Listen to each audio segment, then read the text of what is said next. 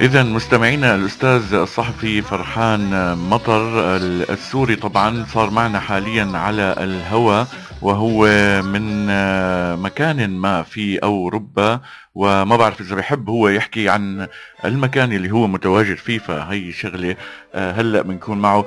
مساء الخير أستاذ فرحان.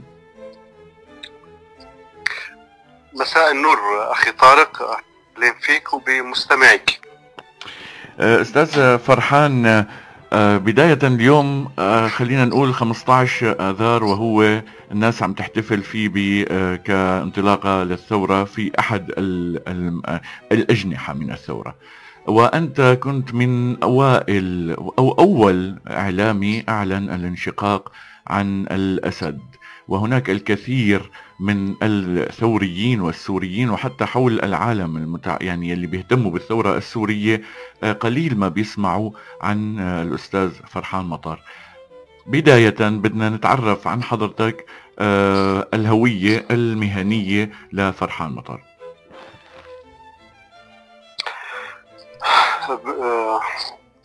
أنا مواطن سوري. سابقا لما كان عندي وطن اليوم أنا آه، لاجئ آه، في فرنسا. طبعا ما نسر مكان الإقامة هو معلن ومعروف. آه، أنا فرحان مطر من مواليد الرقة بسوريا عام 1956 كاتب وصحفي. كاتب لأني أكتب القصة القصيرة.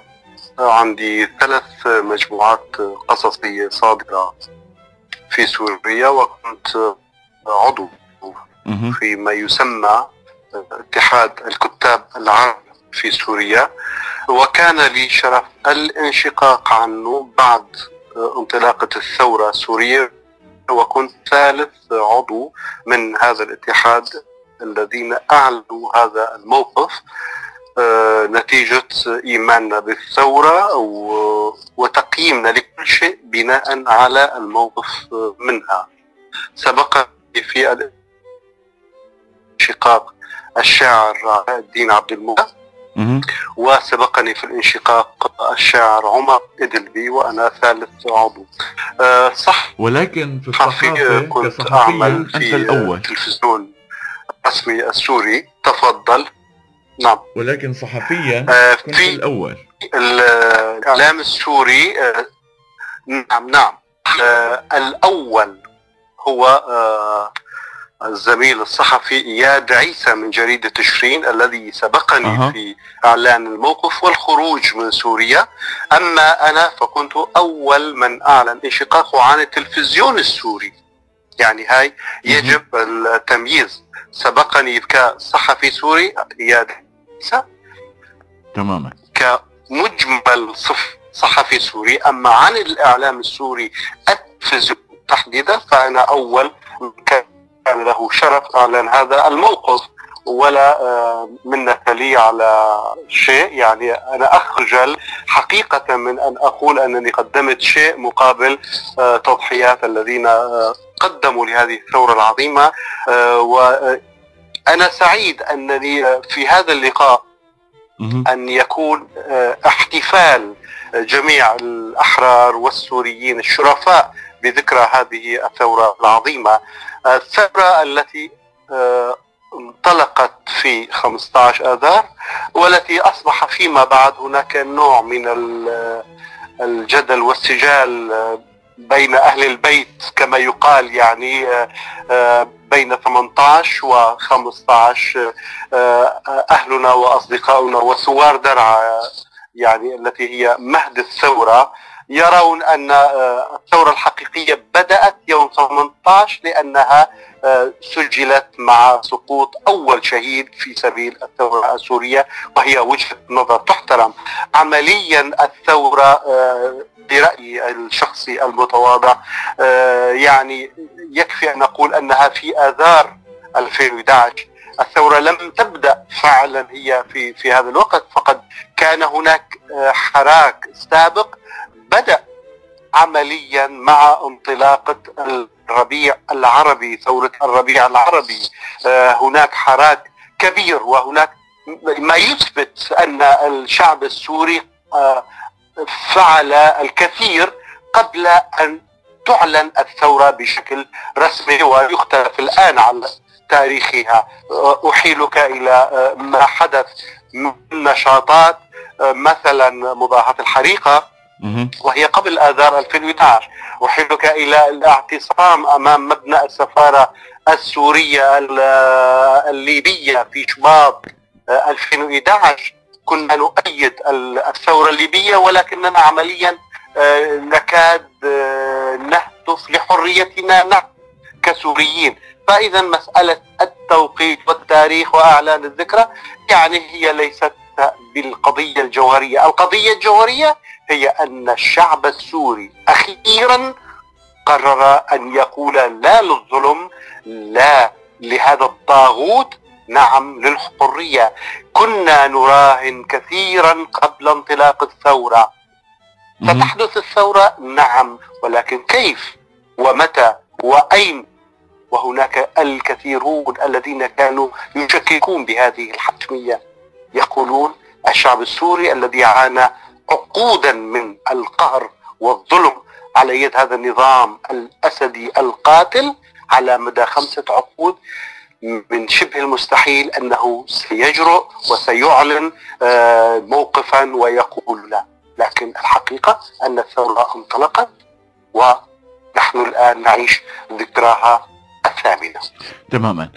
وإن شاء الله بنكمل وبنحقق الأهداف. هناك من يقول لماذا لم تنطلق الثورة إلا عندما بدأ الدعم للربيع العربي. وكان هناك يعني إرهاصات للثورة في 2004 إذا قلنا في القامشلي وهناك في حركة الشباب في السويداء. لماذا لم يتم التحرك في تلك الأوقات؟ وتم التحرك عندما تم البدء بالربيع العربي ونظرية المؤامرة يعني الكل بنعرفها نحن أنه الثورات تم تمويلها خارجيا. ليش برأيك ما كان في حراك داعم للحراك يوم القامشلي أو يوم آه، شباب السويداء.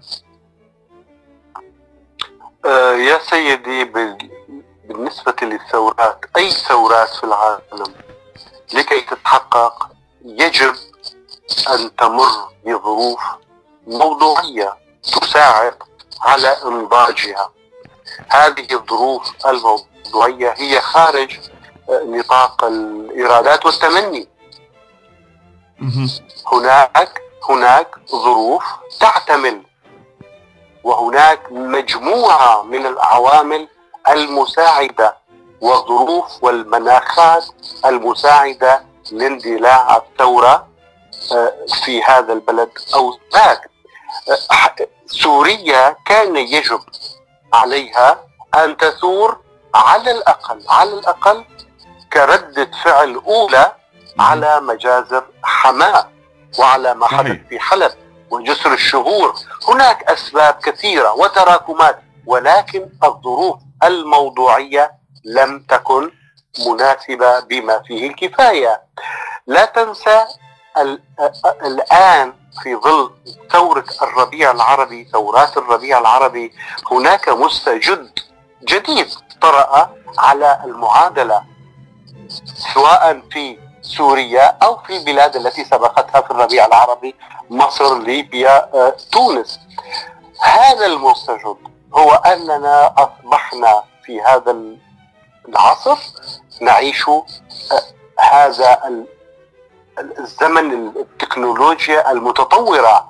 اليوم لم يعد بالإمكان أن تخفي خبرا أن تغطي الأشياء أن تعمي الأشياء. هذا سابقا في ظل الثمانينات والفترات التي تلتها بقليل لم يكن هذا العنصر موجودا. حماة وكل ما حدث فيها من إجرام الجيش السوري وحافظ الأسد وسرايا الدفاع كان قسم كبير من السوريين لا يعرفون عنه شيئا. الإعلام صحيح. الإعلام له الدور الحاسم لماذا لم ينتفض الشعب السوري في 2004 مع إخوتنا الأكراد في القامشلي لأننا كنا مشرذمين كسوريين. نعيش كجزر منعزلة. لا يعلم أحدنا بما يحدث للآخر في مكان آخر بعيد عنه.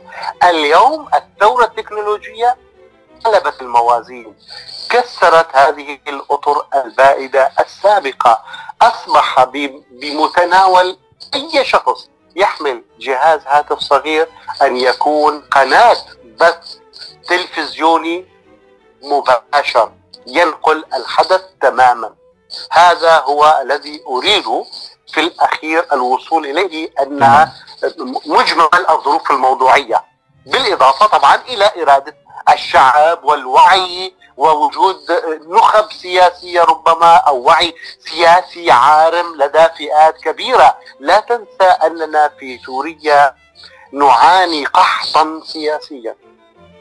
الشعب السوري بسبب استمرار هذا النظام المتخلف الذي زرع التخلف وحافظ على التخلف ومنع أي تطور في الحياة السياسية والاجتماعية والسياسية والتعليمية منع كل هذا بشكل واضح جدا بشكل ممنهج. هو حاول تغذية أشياء مع أشياء. يعني هو الذي ساهم في ردة المجتمع السوري. يقال أنه مجتمع علماني أو نظام علماني والحقيقة أنه كان يحارب العلمانيين ويمنع الفكر العلماني من الانتشار. هو كان آه، آه، يبني المزيد من المساجد على حساب المدارس والجامعات. صحيح. كان كان يدعم نعم. كان يدعم الفكر المتطرف ولكن دون إعلان. يعني كان يدعمه مثل ما بنقول نحن تمام. كان كان يربيه كان يربيه. في الظل ويقدم له كل ما يلزم للنمو. يعني من أجل ماذا؟ من أجل أن يصبح هذا البعبع في يوم من الأيام تحت تصرفه بإرادته. هو المغذي هو المانع. نعم. صحيح. أه الثورة التكنولوجية هي ساعدت الثورات في المناطق التي تخضع للدكتاتوريات. أستاذ فرحان وأنت كنت يعني تعاملت بالتلفزيون العربي السوري طبعا بين 2004 و2011 وكان عندك عدد من الأفلام الوثائقيه يعني رحلة الحب المريمية غزة الرقة رحلة حياة أعمدة الشمس وبرامج تلفزيونية خاصة مسلمون ومسيحيون حوار خاص مع ناشطة السلام الأمريكية آنا بالتس وبرنامج الإبداع الروائي. يعني هناك عدد كمان عدد كبير من الأفلام التسجيلية. أين أنت الآن من الإعلام الثوري؟ وكيف تراه؟ هل استفاد من هذه الثورة التكنولوجية؟ ويعني هل كان صادقا مع نفسه ومع الثورة؟ ويعني كيف تقيم الإعلام الذي سمي بالإعلام البديل ولم يسمى بالإعلام الثوري؟ آه، زميلي وصديقي طارق يعني أنت بهذا السؤال يعني تفتح آه، مساحة كبيرة من الشجن. آه، آه، يعني أنا كإعلامي وكابن لهذه الثورة واحد من أبناء هذه الثورة ربما كان هاجسي الأول منذ أن وقفت مع هذه الثورة ثورتي ثورة هذا الشعب كان هاجسي الأول والأخير هو الإعلام. لأنني أدرك تماما ماذا يعني أن تكون الثورة تمتلك أداتها الإعلامية. أنا أعرف أن الإعلام هو سلاح آه، خطير خطير قادر على قلب المعادلات والتوازنات السائدة والمعروفة. معركتنا معركتنا بأحد أشكالها الأساسية هي معركة إعلامية. النظام السوري يستند إلى ماكينة إعلامية مؤسسات مؤسسات إعلامية لديه كل الكوادر لديه كل الإمكانيات ولكنه يفتقد إلى الروح ويفتقد إلى الصدقية هو وصفه الشعب السوري والشارع السوري منذ الأيام الأولى للثورة. طبعا هو حتى قبل الثورة كان غير صادق وكانت الناس تشك حتى في آه، أخبار النشرة الجوية. يعني صحيح, آه، صحيح. تماما. ولكن مع الثورة السورية انكشف آه، آه، يعني مستوى الحقيقي لهذا الإعلام والشواهد أكثر من أن تحصى مثل آه، يعني المظاهرات الميدان التي سميت آه، نعمة المطر يعني جاءوا ليشكروا نعمة الله على نعمة المطر إلى آخره. يعني هذا النظام الكاذب. هو غير قادر على أن يكون منافس لأي إعلام آخر.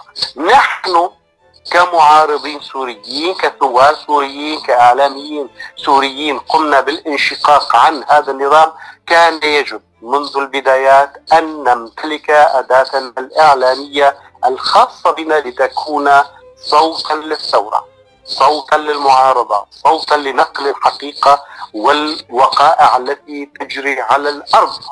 ولكن للأسف هذا السلاح سلاح الإعلام آه، لم يعطى الحق الكافي والقدر الكافي من الاهتمام من المؤسسات والشخصيات التي تصدرت واجهة المعارضة السياسية.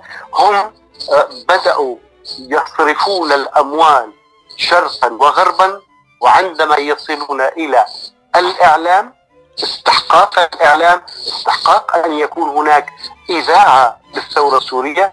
أو تلفزيون للثورة السورية أو وكالة أنباء للثورة السورية أو مواقع إلكترونية مثلا يعني مزودة بمهنيين باختصاصيين وهو, وهو متوفر كثيرا جدا. يعني انشق عن الإعلام السوري والتحق آه، بالثورة الكثير من كل الاختصاصات. لم لم تكن تنقصنا مسألة الكفاءات المهنية في أي نقطة تفصيلية. ولكن ما كان ينقصنا هو التمويل لإيجاد هذه ال- ال- القناة أو هذا المنبر الهام لكي يكون معبرا عنا عن ثورتنا ال- النظيفة التي تمثلها الأشهر الأولى على الأقل التي كانت في غاية السلمية وفي غاية النقاء والتي أصبحت أمثولة ما يحدث الآن في الجزائر ما يحدث الآن في السودان أرى أنه هو مثال- مثال صحيح. تلك الأيام التي آه، قدمنا فيها نموذجا ودليلا في الرقي للثورات النظيفة في في العالم المهم حين غاب هذا الجانب. جانب الإعلام جاء امتلاكنا لسلاح الإعلام تصدر البعض على مبدأ سياسة ملء الفراغ وأصبحت هناك مؤسسات في الشكل ولكنها في الحقيقة دكاكين دكاكين لماذا؟ لأنها غيبت العمل المؤسساتي داخلها لأنها تفتقر إلى الرؤية الاستراتيجية لأنها لم تكن تضع نصب عينها اولا وأخيرا خدمة الثورة وكل شيء يذوب أمام خدمة هذه الثورة العظيمة. أصبحت هذه المنابر هذه الدكاكين تعبر عن سياسة مالكيها تعبر الأورينت عن غسان عبود تعبر سوريا الغد عن محمد شبك وعبد الحفيظ شرف وهكذا دواليك واليوم وصلنا إلى المهزله الكبرى بما يسمى تلفزيون سوريا لصاحبه آه أنس أزرق مهم. هذا هذا الخلل الكبير هذا الخلل الكبير الذي وصل إليه حال الإعلام الثوري السوري أصبحنا بسببه وأصبحنا من نتائجه خارج المعادلة اليوم لا يوجد هناك إعلام ثوري حقيقي يمثل الثورة السورية أنا مسؤول عن كلامي تماما على الرغم إيه؟ على الرغم من وجود الكثير من الناشطين والشرفاء الذين يعملون ولكن سلبت إرادتهم لأنهم خضعوا لإرادة صاحب هذا الدكان أو ذاك. طيب أستاذ فرحان يعني كيف وصل آه الأمر لهؤلاء ال- ال- القادة خلينا نقول قادة التكاكين كيف خلص الأمر إليهم؟ يعني ليش ما كان الأمر بإيدين الحرفيين؟ وهناك الكثير الكثير من الصحفيين الحرفيين يلي كانوا قادرين على قيادة مؤسسات إعلامية ثورية حقيقية تتمتع بالحيادية اللازمة. للعمل الصحفي ولكن يعني لا تقدم ال ال ال خلينا نقول شراذم القول عن الثورة. كيف كيف انتهى هذا الأمر عند بين أيدي هؤلاء الأشخاص؟ منذ البداية يا صديقي هؤلاء الصحفيين الذين نشير لهم والذين نعرفهم لم يكونوا في يوم من الأيام أصحاب قرار. كانوا آه، يركضون وراء فرصة. أن يستغل فرصة عمل. كان المتحكم هو صاحب رأس المال. كان المتحكم هو صاحب الأجندة. يعني بين أن تكون أنت صاحب مشروع وبين أن تعمل أنت في مشروع تتوقع وتتوقع منه أن يخدم ما تريد. هذا هذا هو الخلل صديقي. يعني يعني أخجل أن أقول أنني شخصيا حاولت منذ البداية بداية انشقاقي وخروجي من القاهرة حاولت بجهود حثيثة مع بعض الأصدقاء لأن نعمل نواة لمثل هكذا مشروع. الحقيقة جربنا. كل من نعرف وكل من استطعنا الوصول إليه من رجال أعمال سوريين. نعرف أن مواقفهم مع الثورة أو أنهم يقبلون فكرة دعم مشاريع أو يكون خيرية إنسانية. جربنا مع الجميع وفشلنا. لم يكن ينظر أحد إلى مثل هذه المشاريع بعين الجدية. كانوا ينظرون إلى الشخص الذي يطرح مثل هذه الأفكار على أنه آه، آه، شخص يريد المنفعة الشخصية. سأحدد لك آه، بعض التفاصيل. يا ريت تعطينا بعض في القاهرة في القاهرة في تلك الفترة أثناء تواصلنا مع القوى السياسية المصرية التي كانت داعمة للثورة السورية آنذاك وأشير إلى تلك الفترة الزمنية. نحن نحن في أعقاب آه، ثورة يناير. آه، كان المزاج الشعبي المصري عموما مع الثوره السوريه وتطلعاتها. ولذلك آه، كثير من الأحزاب المصرية كانوا يقيمون معنا كمعارضين سوريين وثوار سوريين علاقات محترمه من نتيجة تلك الاتصالات والعلاقات عرض علينا رئيس حزب الوفد المصري آه، سيد بدوي في تلك الفترة أنه آه، سيعطينا ساعة بث تلفزيوني يوميا. تخيل. جميل جدا. أن يكون أن يكون لديك ساعة بث تلفزيوني يومي في تلك الفترة. جيد؟ يعني نعم. في الوقت الذي كنا نريد أن نستفيد فيه عن رحمة الجزيرة أو رحمة العربية أو رحمة أي قناة قدمت وهي مشكورة. نحن لا نريد أن ننكر فضل أي جهة قدمت لنا منبرا ونافذة لكي نقول ونعرض ما نريد. ولكننا كنا نريد ونبحث عن نافذتنا نحن. منبرنا نحن. كويس؟ صحيح. في تلك الفترة سيد البدوي عرض علينا إثر اجتماع لفعالية سورية عقدت في القاهرة ب يعني ما يسمى آنذاك اتحاد الأحرار السوريين آه، مع حزب الوفد المصري. وعلى أثره آه، قمت أنا والزميلة هلا مراد وهي مقيمة في دبي إعلامية سورية مقيمة في دبي. والفنانة وفاء سالم أيضا المقيمة الآن في مصر. آه، وطلبنا منه نريد دعما آه، واضحا في مجال الإعلام. فقال الرجل أعطيكم ساعة بث تلفزيوني في قناة ستفتتح قريبا. طبعا آه، آه، الحزب كان يملك آه، قناة تلفزيونية وهو سيد البدوي كان عنده مشروع قناة أخرى. فقال في القناة الجديدة أنا أمنحكم ساعة. وكلفنا بالتواصل مع أحد نوابه وقال خذوا التفاصيل بينكم. اجتمعنا أنا والزميلتين هلا مراد ووفاء سالم بهذا الشخص عدة مرات. اجتماعات يعني نتناول التفاصيل والى اخره. ماذا كنا نحتاج لتحقيق هذه المسألة؟ قال لنا نعطيكم استوديو ونعطيكم التجهيزات وأنتم عليكم البقية. يعني ما هي البقية؟ كنت أريد أن أقوم بإفتتاح أو تجهيز مكتب.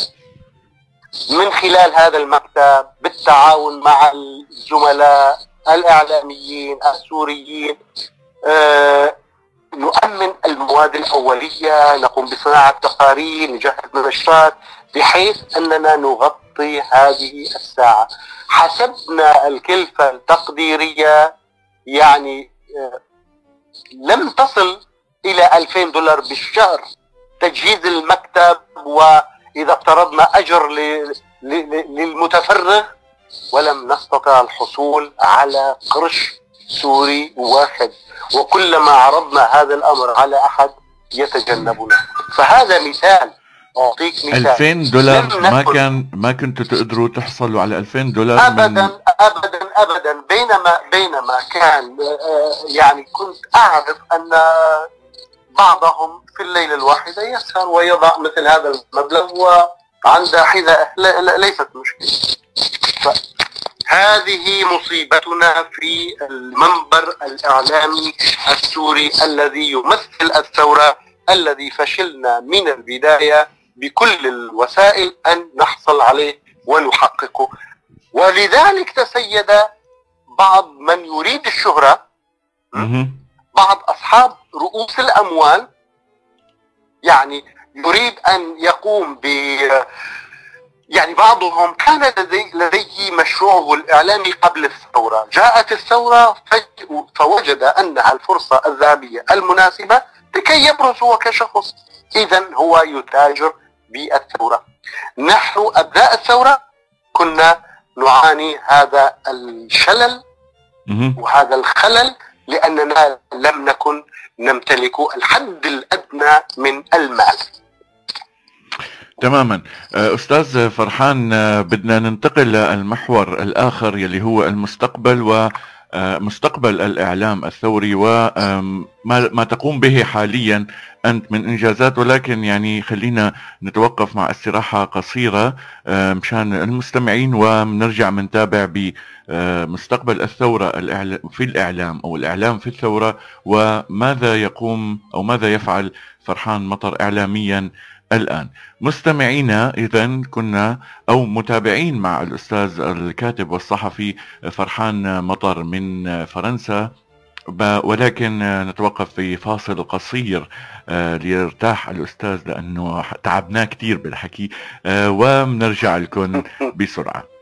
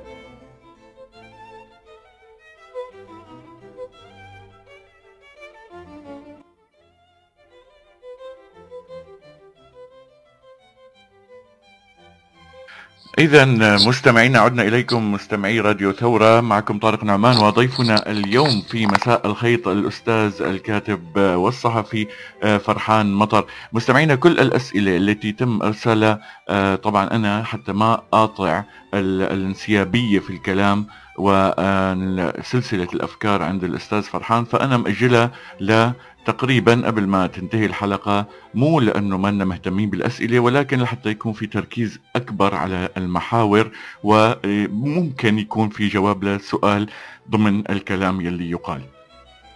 إذا أستاذ فرحان نحن كنا عم نحكي عن موضوع الإعلام وعن موضوع المتسلطين والمتاجرين بالإعلام الثوري أو الإعلام البديل حاليا. كيف ترى مستقبل الإعلام الثوري وهل يمكن أن يتدارك الأخطاء التي قام بها خلال السنوات الثمانية الماضية؟ يعني أخي طارق هذا السؤال يعني الحقيقة يعني مشكلة مشكلة. يعني الإعلام الثوري أنا يعني لا أرى اليوم أن هناك إعلام ثوري يليق بمستوى الثورة العظيمة التي انطلقت والتي نحن نتحدث عنها الآن.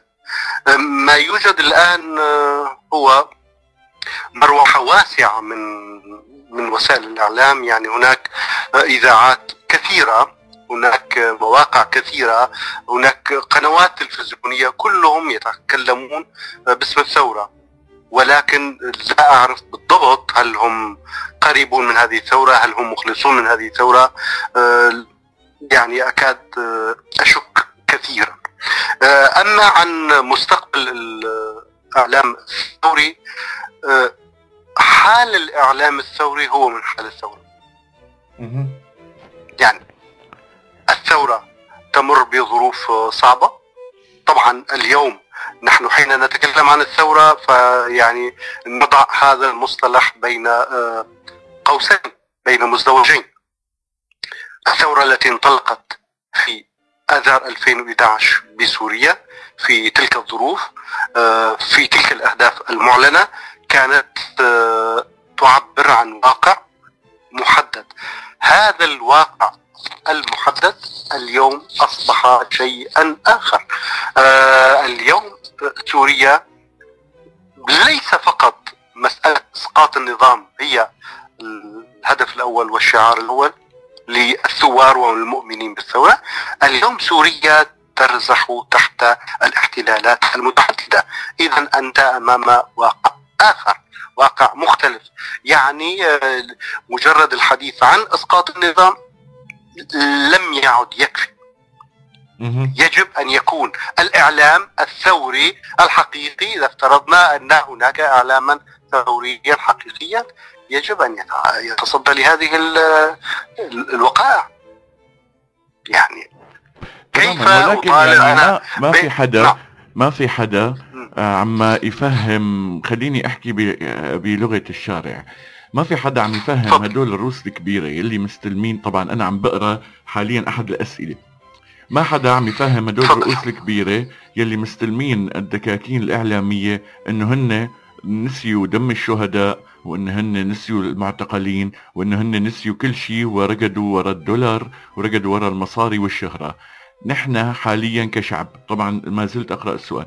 نحن حاليا كشعب شو بنقدر نعمل لحتى نفهم هالإعلام إنه أنت ما عاد مرغوب فيك كثورة مرغوب أنت إعلام مثلك مثل أي إعلام لأي دكتاتور ولكن لمديرك فقط.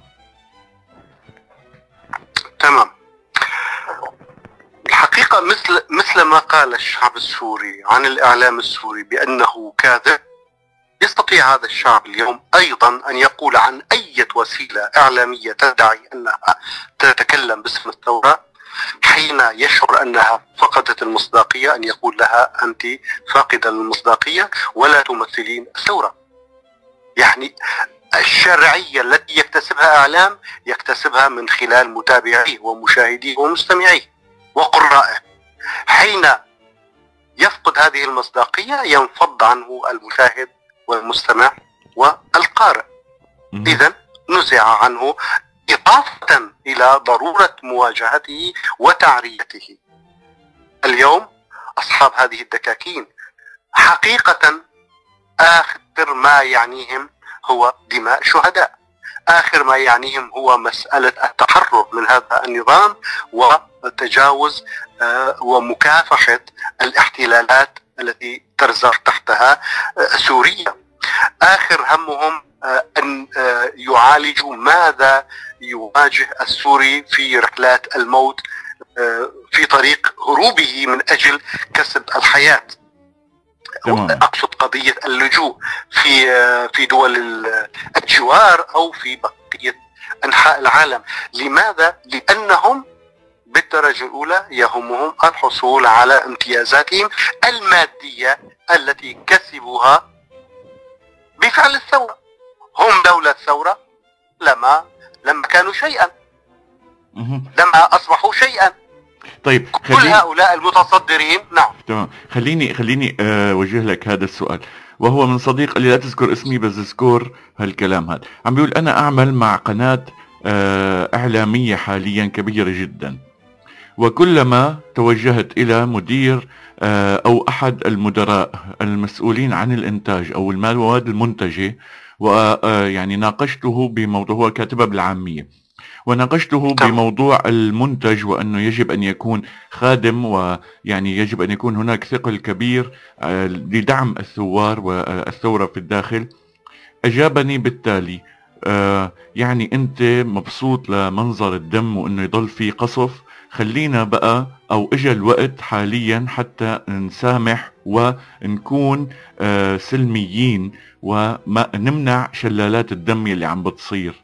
شو رأيك؟ يعني هذا هذا الطرح يعني من منا لا يريد السلمية؟ من منا لا يكره منظر الدماء؟ ولكن هذا الطرح أنا أرى أنه كلام حق يراد به باطل.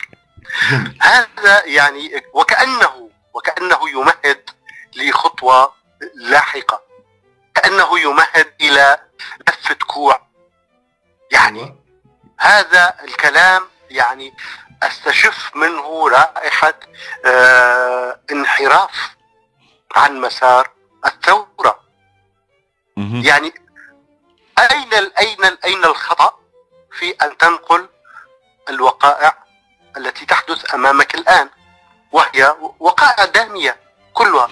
يعني أنا حين أتكلم عن الفوسفوري على خان شيخون ولا القصف على مناطق ما يسمى خفض التصعيد وموت أهلنا يعني حين حين تصبح هذه قضية مركزية لدى أي وسيلة إعلامية ناطقة باسم الثورة أو ناطقة باسم المعارضة أو ناطق تدعي إنها النظام. أقل من هذا لا لا يمكن يجب أن تكون مثل هذه العناوين هي العناوين الأولى والأساسية. إذا لم نلتزم بهذا بهذا الهم وبهذا ال... هاي الفاجعة اللي إحنا فيها عبنا فيها بحجه السلمية أي سلمية؟ يعني طيب. منظر الذين يموتون يخدش السلمية والطائرات التي تقصف ليست مشكلة؟ هذا هذا الطرح ملغوم. تماما. قل له إن كان يسمع. أنا أقول له إن كان يسمع. هذا الطرح ملغوم أوكي. يعني هو بيعرف بعتقد إنه هذا الطرح ملغوم. ولكن آه معاناة أنا رح أحكي عنه لأني أنا بعرفه شخصيا يعني. ولكن المعاناة اللي عم بيعانوها إنه بما إنه ملغوم هذا الطرح فأنت إذا دعست عليه فأنت حينفجر فيك اللغم رح تصير برا المؤسسة. يعني حتى لو قلت له لا بس أنا ما فيني يعني ما بعتقد إنه قادر هو يناقشه بإنه لا أنت عم تضحك علي. يعني بينقطع رزقه بعدين. تمام تمام. ما دام ما دام هذا الشخص وأمثاله يعمل لدى رب عمل فهو يضع أمام عينه لقمة العيش. تمام. من أجل أن يحافظ على لقمة العيش يجب عليه أن يساير. يعني سأطرح لك مثالا. آه، عندما انشق من انشق من الإعلاميين أو غير الإعلاميين ألم يكونوا في أوضاعهم السابقة؟ في أوضاع آه، يعني يكسبون فيها المال؟ طبعا. ويكسبون فيها الأمان ويكسبون فيها آه، ربما الوجاهة وربما الشهرة وربما ولكنهم حين قرروا اتخاذ موقف أملاه عليه عليهم ضميرهم وأخلاقهم مهم. تخلوا عن كل شيء وخسروا كل شيء.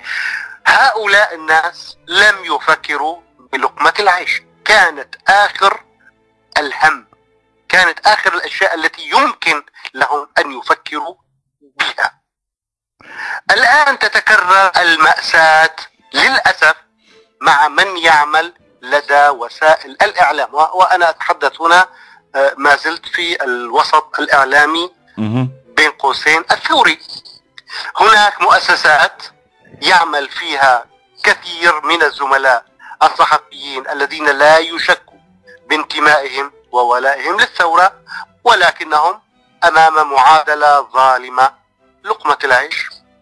إما أن تتشرد في تركيا ولا يبقى لديك آه، يعني أي قدر ولا بالحد الأدنى لكي تعين أسرتك أو أنك ترضى وت...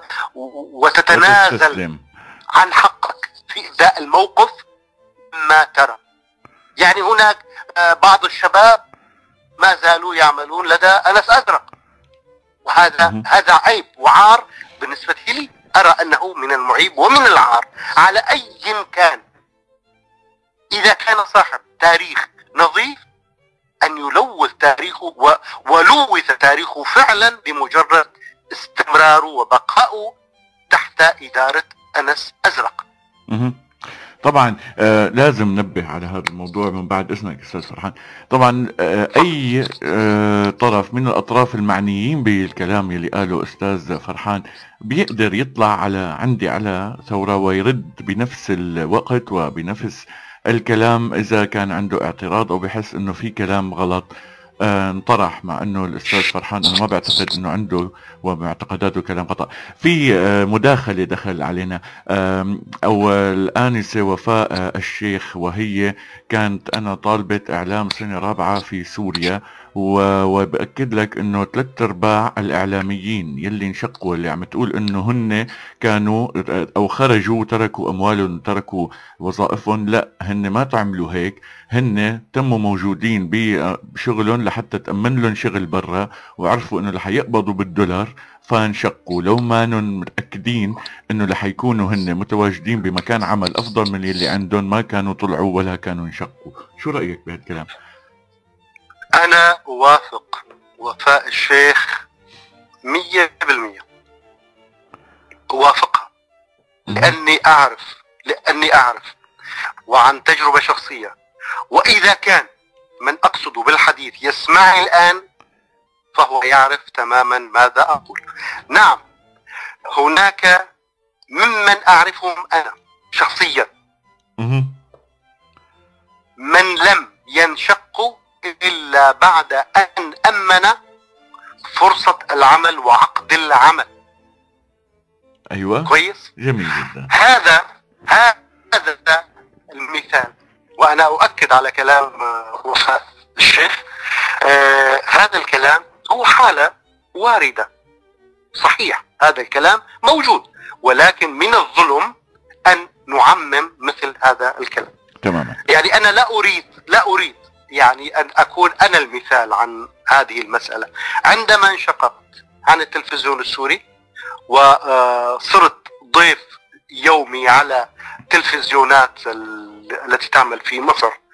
آه، مهتمة ب- بالشأن السوري في تلك الفترة أنا كنت بدون عمل بدون بيت كانت أسرتي ما تزال في دمشق مهم. وأنا أقارع النظام وأتحداه على الشاشات جيد وألبس طقم مجرافة كان يتواصل معي من سوريا من داخل سوريا بعض الزملاء الإعلاميين اللي كانوا يشوفوني بهذا المنظر بهاي الصورة انه مهم. صورة واحد قوي وعم يحكي ويدافع عن قضية فكانوا يعتقدوا إنه أنا أكيد في وراي جهة دعمتني ومولتني وكادوا يصدقون بشكل أو بآخر ربما ما أشاعه عني التلفزيون السوري بعد انشقاقي بأنني قبضت ملايين الدولارات. فكانوا يتواصلون معي بحجة الاطمئنان لكنهم في حقيقة الأمر كانوا يريدون أن يطمئنوا على أنفسهم أولا فيما إذا قاموا بنفس الفعل. أنا لم أكن أستطع في تلك الأيام أن أقول لهم الحقيقة. لم أكن أستطع أن أقول لهم أنني بدون عمل وأنني بدون بيت. وأني يعني أنا أعيش على الأصدقاء. كنت ضيف عند أحد الأصدقاء مستقبلني ببيته يعني فمثل هؤلاء آه، صدقوا رواية النظام بأنني قبضت ولكن بعضهم كان يفكر بالانشقاق ولكن على شرط على شرط أن يؤمن فرصة عمل وعقد عمل. ولذكر الأسماء لدي الكثير من الأسماء التي أستطيع تقديمها نموذجا وأتمنى أن يكون بعضهم الآن يسمعني. هلا آه، الراديو هون ما عندنا مشكلة تذكر الأسماء لأنه بيكو لأنه هن عندهم مساحة يعني ما حنمنعهم نحن إذا طلعوا وقالوا أنا ذكر اسمي فبدي دافع عن حالي. فإذا ما عندك مانع أنت نحن ما عندنا مانع. في سؤال آه، من لا لا المانع آه، عفوا عفوا. تفضل عفوا طارق عفوا عفوا. أنا المانع عندي هو مانع أخلاقي ليس إلا. يعني أنا لا تمام. أريد أن أدخل بباب المهاترة والتشهير بحق أي أحد كي لا يقول أنني أصفي معه حسابا شخصيا. أنا لا مشكلة شخصية لدي مع أحد. تماما. الصديق عنا عم يسمعنا من عم يقول أنا من الداخل المحرر من إدلب هو اسمه ياسر كنعان. عم بيسأل إنه أنتم عم, عم يكتب هيك إنه أنتم آه بالإعلام آه صرتوا تتحاربوا أو عملتوا بين بعضكم مشاكل وتركتونا نحن آه يلي يلي عم ناكل الحجر وعم عم ناكل الضرب وعم ناكل يعني حكي هو كلام الكلام طويل يعني صحيح ولكن السؤال يلي بده آه، يوصل له هو. إنه حاليا ايمت ممكن آه، الإعلام آه، يحس بالمواطن تحت وما يكون المواطن هو سلعة مشان يبيع التقارير تبعته ومشان يقول للممول إنه أنا والله متواجد بالداخل ويقبض المصاري. يعني والله كلام ياسر كنعان إذا كان صح لفظ للاسم. صحيح ياسر كنعان. كلام صحيح. كلام كلام صحيح. الحقيقة آه، يتم التعامل مع بعض القنوات والوسائل الإعلامية المهتمة آه، بالشأن السوري أو التي تدعي أنها تمثل آه، المعارضة أو الثورة السورية مع الزملاء الإعلاميين. خليني أقول اللي ناشطين الذين يواجهون على أرض الواقع يعني الموت. الحقيقي في سبيل تأمين خبر في سبيل تأمين صورة يتم التعامل معهم بدون احترام وباستغلال بشع ومع سبق الإصرار. يعني يعني أنا آه، أعرف بعض الحالات عن ناشطين في الغوطة وأعرف الوسيلة الإعلامية التي كانوا يرسلون لها وأعرف عمليات الابتزاز والسرقة. ولا أريد الدخول أيضا مرة أخرى بالأسماء. أما عن الشطر الذي قال فيه أننا آه، نتلهى بخلافات داخلية على حساب اهتمامنا بما يحدث آه، في الداخل آه، يعني الحقيقة ما بعرف كيف بدي أجاوب لأنه ما بعرف شو بالضبط قصده يعني مين هن اللي عم يتلهوا يعني. يعني أنا مثلا مستقل. كنت وما زلت مستقل. لا أتبع آه، إلى وسيلة ولا أمثل وسيلة أو منبر. يعني دائما وأبدا كنت أمثل نفسي. فيعني ما, ما بعرف يعني عن مين قصده يعني. وأنا والله ما بعرف. هلأ إذا كان عم يسمعنا بعتقد لساته عم يسمعنا. هلأ بيبعث لنا هو. أنا مين ممكن ممكن يحط ممكن يكتب توضيح مثلا. تمام. آه، أستاذ فرحان معظم الأسئلة اللي عم تنطرح أو طرحوها آه، تم الإجابة عنها بطريقة أو بأخرى يعني سواء بقرب أو ببعد. حاليا يعني معظم الأسئلة آه، أو في ثلاث أو أربع أسئلة إجوا إنه حضرتك شو عم تعمل حاليا؟ هلأ آه، أنا بعرف إنه أنت عم تشتغل على فيلم وثائقي آه، ولكن يا يعني يا ريت تحكي لنا عنه أكثر وايمة انطلاقه أو أو شو صار وين صار المشروع؟ الحقيقة أنا من سألخص مسيرة عملي خلال السبع سنوات الماضية.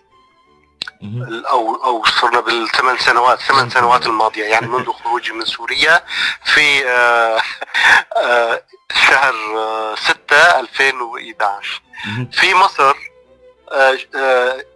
اشتركت بمشروع إنشاء قناة تلفزيونيه كنت واحد من المؤسسين لهذه القناة التلفزيونية وقمت بترشيح بعض الزملاء الذين اشتغلوا فعلا فيها.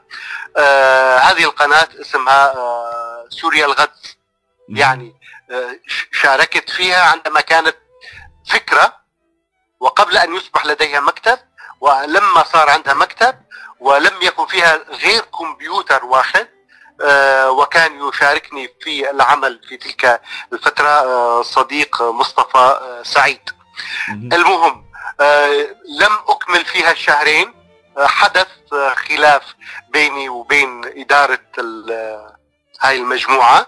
آه، السبب الخلاف ما يلي. يعني أنا لاحظت بعد ما أنه تعرفت عليهم أنه التوجه آه، توجه آه، إسلامي سلفي فأنا قلت لهم لل لصاحب القناة أو المدير التنفيذي للقناة قلت له يا جماعة يعني أنا حابب أقول لكم كلمة. يعني خلينا نتعرف على بعضنا أكثر. قال شو؟ قلت لهم أنا اسمي فرحان مطر. أوكي؟ قال إيه؟ قلت لهم أنا علماني. فصاروا يطلعوا بعض. كان في مذيع مصري ومدير آه، إنتاج مصري وكذا. فصاروا يطلعوا بعض. شو علماني؟ قال يعني أنت ما تعرفش ربنا؟ العلماني هو هذا اللي ما بيعرف الله يعني بس هيك. فالمهم هاي الكلمة أدت إلى أني افتعل معي آه هذا الشخص المدير التنفيذي للقناة آه، مشكلة وفصلني بمحادثة آه، آه، Messenger. قال لي أنت مفصول من العمل؟ قلت له okay. لم لم تتم شهرين هاي التجربة. ظليت بعدها عاطل عن العمل إلى أن أتتني فرصة أن أعمل مراسل لموقع Orient News. قام وقتها انشأوا محمد منصور صديقي وزميلي واقترحني له واشتغلت لمدة سنة ونص. هذا فقط كل ما عملته خلال وجودي لثلاث سنوات بمصر. طبعا آه، كان مصدر دخلي الأساسي. بالإضافة لراتبي اللي كان لما كنت في الأورينت. من الأورينت آه، قبلها كنت أنا أعيش على مساعدات الأصدقاء السوريين اللي كانوا يجوا على القاهرة لمؤتمرات أو إلى آخره. كوني مشارك يعني آه، ومستقل. يعني اولا وأخيرا أعيد كلمة مستقل. فاللي كان يعرف إنه أنا بدون عمل كذا كان في منهم من يدفع لي اجره البيت كان في من يساعدني بمصروف إلى آخره. آه خرجت من مصر. اليوم صار لي آه تقريبا خمس سنين آه بفرنسا لم أمارس أي عمل. كل القنوات وكل الوسائل الإعلامية والمنابر التي تدعي أنها للثورة أو إلى آخره كانت تضع حاجزا بيني وبينه. أنا يعني قد أكون أمتلك القدرة على آه، مساعدة الآخرين لكن أنا غير قادر على أن أساعد نفسي فيما يخص موضوع أني أزكي نفسي لعمل ما. أنا أنطلق من قناعة إذا كان مثلا آه، صديقي فلان الذي يعمل في الوسيلة الفلانية يعرفني ويعرف إمكانياتي فالأولى به إذا احتاجني أن يخبرني ويطلب مني أن أعمل. عدا ذلك فأنا أعمل لاجئ وأعيش على المساعدة. أما المشروع الذي تكلمت عنه وأشرت إليه أخيرا منذ حوالي أربع شهور أتيحت لي للمره الأولى فرصة أن آه، آه، أقوم بإنجاز فيلم وثائقي. هذا الفيلم الوثائقي مدته خمسين دقيقة آه ليس من حقي الآن أن آه، أعلن عنه لأننا على وشك أن يبدأ الترويج له يعني خلال يوم أو يومين يعني وهذا اتفاق بيني وبين الجهة المنتجة. لكن أستطيع أن أقول أن الفيلم الذي مدته 50 دقيقة سيعرض على احدى قنوات التلفزيون العربية ويتكلم عن ثلاث شخصيات في الثورة السورية. لا يحق لي حديث أكثر. تمام. يعني مجرد أن تبدأ الترويج سأعلن على صفحتي أيضا عن تفاصيل هذا العمل.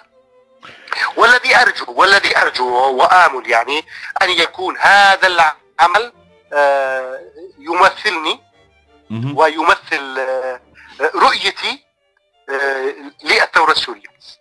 يعني بالإضافة إلى الجانب الفني يعني أتمنى أن يحمل من القيم ما ما يعيد الاعتبار للثورة السورية التي لحق بها الكثير من التشوه طبعا يعني أنت أثرت في هلأ روح الصحفي وبدي بلش أسئلة عن هدول الشخصيات ولكن أنا رح أحترم انه هناك يعني اتفاق مع القناة المنتجة ورح أسكت. يعني ما ما صر إنه آخذ بعض الهنيهات عن هذا الفيديو. آه نحن يعني نعم. تقريبا دقيقتين وبنوصل لنهاية اللقاء أستاذ فرحان مطر. آه بدي نعم. تعطيني ملخص أو يعني هيك وجدانية صغيرة عن الحياة آه حياة اللاجئ السوري حاليا. عائليا آه هل هي تشبه ما كنا آه نعرفه أو نسمع عنه آه، باللاجئين الفلسطينيين الكتاب الفلسطينيين بأنه عندهم حياة ثقافية كبيرة وأنه كان يعني حياتهم نضال وأنه آه، نضال ثقافي طبعا. آه، هل هي تشبه الحياة التي كان عايشها مثلا في اللجوء نزار قباني أو أو مثلا أي من هؤلاء أو محمود درويش مثلا؟ يا صديقي بتغير الظروف لم يبقى شيء يشبه شيء. يعني اللاجئ الفلسطيني اللاجئ الفلسطيني الذي عاش في المخيمات تجربة التشرد واللجوء ومع الدول العربية التي أخذ من بعضها حق الإقامة والعمل وبعض الآخر لم يحصل مثال لبنان. اللاجئ الفلسطيني ما زال إلى الآن أوضاع القانونية صعبة. بينما اللاجئ الفلسطيني في سوريا أوضاعه كأي مواطن سوري. المهم فتغير الظروف غير كل الأشياء. يعني نحن نشترك فعلا بس بكلمة لاجئ. ولكن ماذا أقول عن اللاجئ السوري في في أي مكان؟ اللاجئ السوري هو إنسان. هذا الإنسان تعرض لزلزال عنيف نقله من مكان إلى مكان. هو في معادلة كان مطلوب منه أن يموت على يد هذا النظام على بسبب كل هذا القهر بسبب كل هذا التعذيب بهذه الاعتقالات هذه المطاردة كان مطلوب منه أن يموت. هو خرج ونجا من الموت وأصبح إنسانا في مكان آخر يطلق عليه لاجئ هذا الإنسان أمام هذا التحدي هو من استطاع أن يثبت أنه ابن هذه الحياة ويستحق العيش وهو يناضل في سبيل الحياة الحرة الكريمة لأي إنسان كما أي إنسان. هذا واحد. اثنين هو أراد في هذا اللجوء القسري أن يكون ضيفا على الإنسانية وفاعلا في الإنسانية في أي مكان يوجد فيه.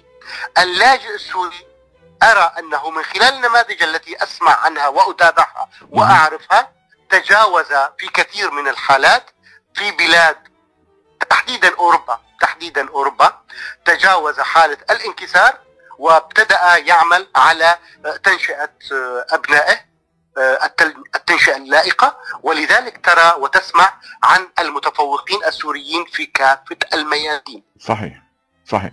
هذا هذا هو الفرق الجو تفضل هلا آه، في عنا آه، ولو مطينا شوي عن الساعة إذا بتسمح لنا. في عنا آه، ياسر فضل. قال إنه هي الحرب الضروس بين تلفزيون سوريا وتلفزيون أورينت والناس عم يتخابطوا بين بعضهم وكل واحد بي بيتهم الآخر ببيانات وبيطلعوا برامج متناقضة مع بعضها. آه وفي نينا صديقة عم تسمعنا هي من المغرب وهي متابعة لأخبار الثورة السورية بتقول عم تسألك أنه لو لم تتغير الظروف في مصر وبعد الانقلاب وتسلم السيسي ما, ما سمعت السؤال ما سمعت السؤال طارق ما سمعت طيب، السؤال طيب لو طيب سمحت انقطع الصوت. okay. آه نينا نينا نينا. من المغرب عم بتقول لو لم تتغير الظروف في مصر بعد بعد تسلم العسكر هل كنت ستستمر نعم. مع Orient على الرغم من أنه سياستها التحريرية أو كذا قريبة جدا من تلفزيون من سياسة تلفزيون سوريا الذي قسم ظهر الثورة حسب تعبير آه، الصديقة نينا من المغرب اولا أجيب على سؤال ياسر. يعني أنا لا شأن لي ولا علاقة لي بالحروب الداخلية بين تلفزيون أورينت وتلفزيون المسمى سوريا.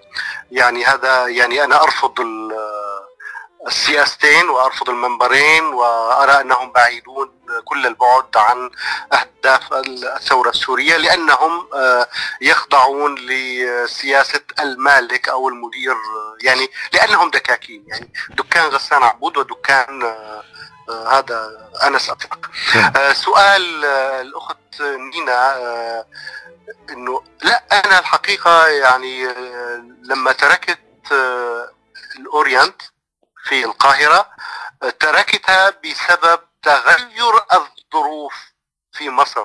يعني أنا كنت عملي آه، كمراسل للأورينت في القاهرة ومصر عموما. آه، معنى بالشأن السوري. يعني الشأن السوري هو الناس السوريين ونشاطات السوريين. قبل انقلاب السيسي قبل آه، انقلاب العسكر كان عندي مساحة واسعة كان السوريين يعيشون في ظروف طبيعية إلى حد ما. فكنت أنقل نشاطاتهم أخبارهم إبداعاتهم تظاهراتهم الحياة السياسية. لما حدث الانقلاب وحدثت ردة الفعل الكبيرة تجاه كل ما هو سوري معارض وصار في ردة الإعلام المصري صار يجيش باتجاه العودة إلى النظام السوري والت... يعني التحالف مع النظام السوري. فأنا أصبحت المادة التي هي موضوع عملي شحيحة ولم يكن بإمكاني أن أقول الحقيقة. يعني إذا أنقل الصورة السوداوية القاتمة التي يعيشها السوريون فأنا سأصبح بمواجهة قانونية مع السلطات المصرية وهذا ما لم ين... لن ينفعني فيه لا أورينت ولا أحد. لا, لا, لا توجد حماية. تمام. فأنا تركت يعني أو تركوني فصلوني من الأورينت بسبب شح المادة. تمام. دون أن يفهموا آه، مع كل التوضيح الظروف الموضوعية تماما الأستاذ والكاتب فرحان مطر وصلنا إلى نهاية آه، اللقاء ويعني الوقت ضيق كنا نتمنى أن نستطيع أن نستمر باللقاء لفترة أطول ولكن يعني ما بدنا نتعبك و أكيد رح يكون في بيناتنا لقاءات قادمة إن شاء الله بعد إصدار أو بعد الإعلان والترويج للفيلم آه، الوثائقي الذي تقوم به. أنا بدي أشكرك جدا بدي أتمنى لك ليلة سعيدة ويعني حياة مستقرة آه، على طول العمر أستاذ فرحان. شكرا لك أخي طارق على هذه الفرصة وتحياتي لكل الأخوة المستمعين وإلى اللقاء. إلى اللقاء.